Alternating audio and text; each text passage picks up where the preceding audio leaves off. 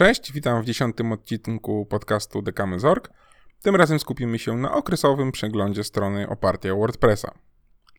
Prace nad stroną opartą na WordPressie nie kończą się po ukończeniu prac programistycznych. Wszystko podlega stałemu rozwojowi i WordPress oraz jego ekosystem nie są tu wyjątkiem. Dlatego warto raz jak na jakiś czas zrobić okresowy przegląd swojego WordPressa, szczególnie jeśli zarabiasz dzięki swojej stronie. Jakie są korzyści płynące z przeglądów? Zacznijmy od tego, co tak naprawdę może nam to dać. Przede wszystkim zoptymalizujesz działanie swojej strony, wyeliminujesz niepotrzebne elementy witryny, zwiększysz poziom bezpieczeństwa strony i jej użytkowników, wykryjesz zawczasu potencjalne problemy, które w przyszłości mogłyby doprowadzić do awarii witryny, zwiększysz szanse na lepsze pozycje w wynikach wyszukiwania, określisz obszary, które wymagają usprawnień lub mogą działać inaczej. No właśnie, jak często robić taki przegląd? Uważam, że częstotliwość przeglądów powinna być adekwatna do znaczenia strony dla Twojego hobby lub biznesu oraz ilości zmian, jakie są na nie wprowadzane. Jednak minimalną częstotliwością jest moim zdaniem dwa razy w roku. To taki odpowiednik wiosennych i jesiennych porządków. Mówimy tutaj oczywiście o stronach, które są rzadko modyfikowane lub prowadzone są non-profit. W przypadku bardziej rozbudowanych witryn może się okazać, że przegląd należy robić znacznie częściej. W niektórych przypadkach okaże się, że niektóre z elementów przeglądu trzeba wykonywać nawet co tydzień. Co składa się na przegląd strony opartej na WordPressie? Pełny okresowy przegląd powinien składać się z poniższych elementów. Testy wizualne, mające na celu sprawdzenie, czy strona wygląda i działa odpowiednio w popularnych przeglądarkach i urządzeniach mobilnych. Testy funkcjonalne, które pozwolą stwierdzić, czy wszystkie kluczowe elementy serwisu działają poprawnie. Analiza wydajności strony. Dzięki niej wykryjesz elementy, które spowalniają witrynę i mogą obniżyć jej pozycję w wynikach wyszukiwania. Analiza zainstalowanych rozszerzeń pozwoli wykryć niepotrzebne funkcje oraz przyspieszyć działanie strony i zwiększyć jej bezpieczeństwo. Analiza błędów to element, który pozwoli Ci wykryć problemy, których jeszcze nie widać gołym okiem, ale mogą dać znać o sobie w przyszłości. W przypadku małych i prostych stron, pewne elementy przeglądu mogą okazać się zbędne, choć moim zdaniem dwa razy w roku warto wykonać je wszystkie. Jeśli zarabiasz na swojej stronie internetowej, to tym bardziej warto się na tym skupić. Testy wizualne. Zalecana częstotliwość to raz, dwa razy do roku. Testy wizualne można połączyć od razu z wykonywaniem testów funkcjonalnych. Teoretycznie takie testy robisz dość często. Zależy od tego, jak często odwiedzasz swoją własną stronę. Jednak z tą formą testów jest pewien problem. Wykonujesz je najczęściej na jednej przeglądarce oraz jednym urządzeniu mobilnym. Co za tym idzie, możesz nie mieć pojęcia o tym, że Twoja strona działa niepoprawnie na innych przeglądarkach lub urządzeniach. Trzeba też pamiętać o tym, że przeglądarki otrzymują aktualizacje, nawet co kilka tygodni, a to wiąże się z ryzykiem zaistnienia błędów, które w momencie oddania Twojej strony do użytku mogły w ogóle nie istnieć. Jak przygotować takie testy? Zacznij od przygotowania listy podstron, które na tyle różnią się od siebie wyglądem, że warto je sobą przetestować. Przykładowo dla bloga może to być strona główna, strona kategorii, strona wpisu czy strona wyników wyszukiwania. W przypadku strony wpisu wybierz najlepiej taki wpis, który wykorzystuje możliwie najwięcej elementów typografii oferowanych przez motyw. Następnie trzeba zdobyć dostęp do różnych urządzeń i przeglądarek internetowych. Osobiście testuję strony na Google Chrome, Firefoxie, Safari, Microsoft Edge, iPhone, iPadzie, telefonie z Androidem ze średniej półki cenowej i tablecie z Androidem. Powyższy zakres przeglądarek i urządzeń można rozszerzyć lub ograniczyć na bazie statystyk Twojej strony internetowej. Na przykład może się okazać, że duża część naszych użytkowników w ogóle nie używa Internet Explorera, a praktycznie notorycznie korzysta z iOS-a. Wtedy wiemy, na czym warto się skupić. Czy da się testować nie posiadając urządzeń? Jasne. Jeśli zajmujesz się zawodowo tworzeniem stron internetowych, jest całkiem prawdopodobne, że nie posiadasz dostępu do wszystkich potrzebnych przeglądarek i urządzeń. W tej sytuacji pozostają Ci dwie opcje. Pierwsza to bazowanie na uprzejmości znajomych, którzy mają dostęp do brakujących urządzeń i przeglądarek i po prostu sprawdzą za ciebie, czy dana strona wyświetla się poprawnie. Inną opcją jest wykorzystanie usług, którą dają e, serwisy do, dostęp do testowania różnych stron. Tego typu serwisy to Browser Stack, Browser Link czy Browser Shots. Niestety usługi online służące do takich testów są dość drogie i z uwagi na wymaganą przez takie testy infrastrukturę. Z moich obserwacji wynika, że Safari na macOS w trybie responsywności dość dobrze odzwierciedla błędy, które pojawiają się na iPhone'ie i iPadzie. Chrome w trybie urządzenia mobilnego, podobnie jak Safari, pozwala wychwycić wiele błędów, które mogą się pojawić na urządzeniach z Androidem. Najbardziej problematyczne są do stosowania wszelakie problemy związane z Internet Explorerem 10 i 11 z uwagi na fatalne działanie narzędzi deweloperskich. Jak wykonać testy wizualne? Gdy już mamy pełną listę podstron do odwiedzenia oraz listę przeglądarek i urządzeń, a także dostęp do nich, możemy przejść do testowania. To część jest niestety bardziej żmudna i czasochłonna. Musimy odwiedzić każdą z podstron na liście w każdym z urządzeniu i wychwycić wszystkie potencjalne problemy wizualne. Dlatego warto pamiętać, że w wypadku przeglądarek na komputerach użytkownicy korzystają z różnych rozdzielczości ekranu, zatem warto poeksperymentować ze zmianą rozmiaru okna i popatrzeć, czy problemy nie występują w określonym zakresie szerokości ekranu. Testy wizualne najlepiej wykonywać w przeglądarce z włączonym trybem incognito oraz z wyłączonym adblockiem. Dzięki temu zasymulujemy lepiej to, co widzi osoba odwiedzająca nasz serwis po raz pierwszy.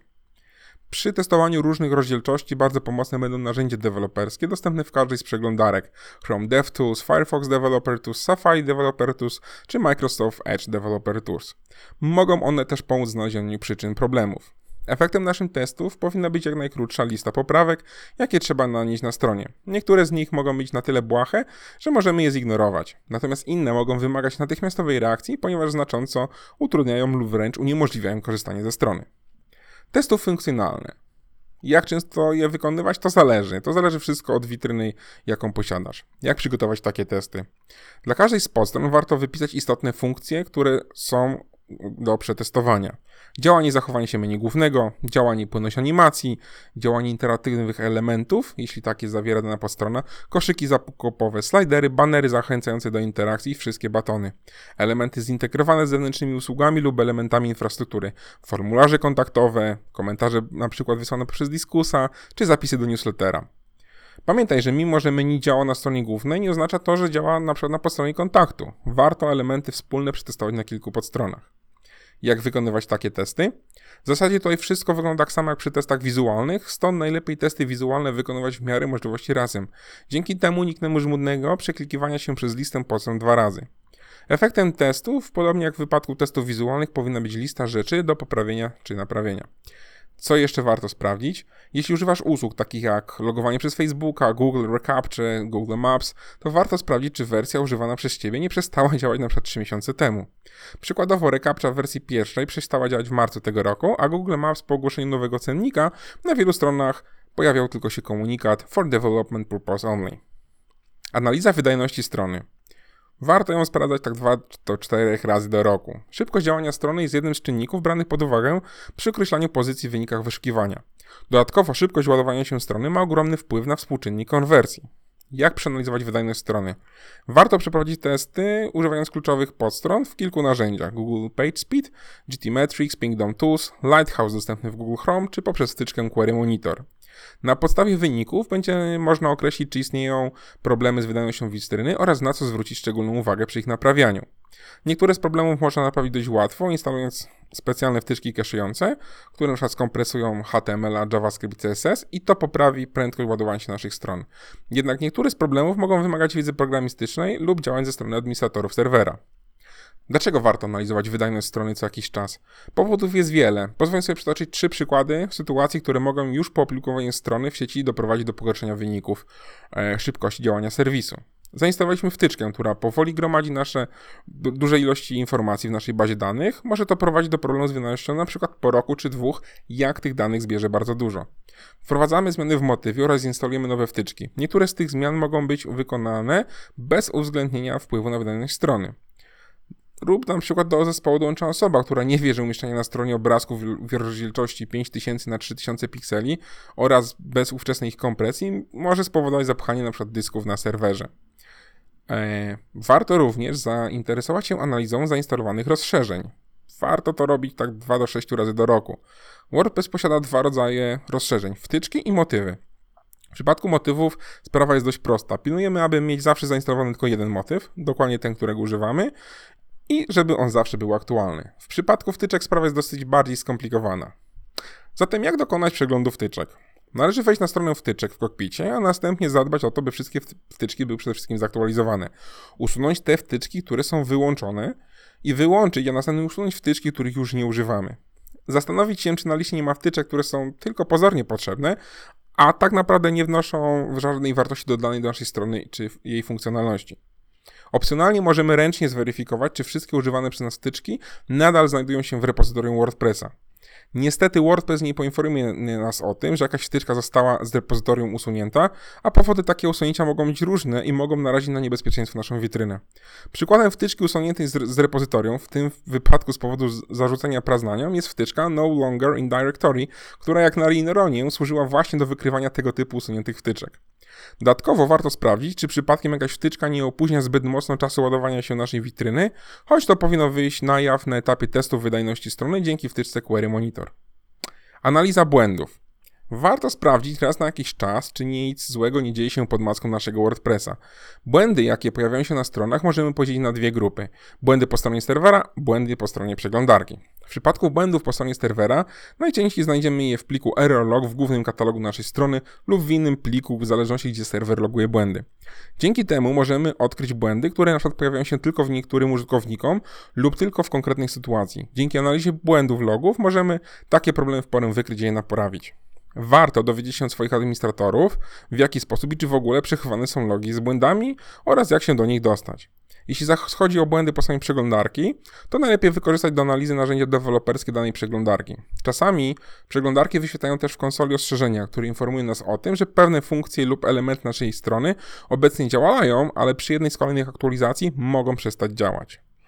Podsumowując, strona internetowa to żywy organizm i z upływem czasu jest narażona na pojawianie się nieplanowanych problemów oraz błędów. Dlatego warto raz na jakiś czas, adekwatnie do złożoności i wartości biznesowej strony, poświęcić od kilkunastu do kilku godzin na jej przegląd. Pozwoli to uniknąć wielu problemów oraz odkryć błędy, z których istnienia mogliśmy nie zdawać sobie w ogóle sprawy. A czasem proste błędy mogą okazać się dla nas bardzo kosztowne w przyszłości. Dzięki za wysłuchanie odcinka i zapraszam do subskrypcji. Hej!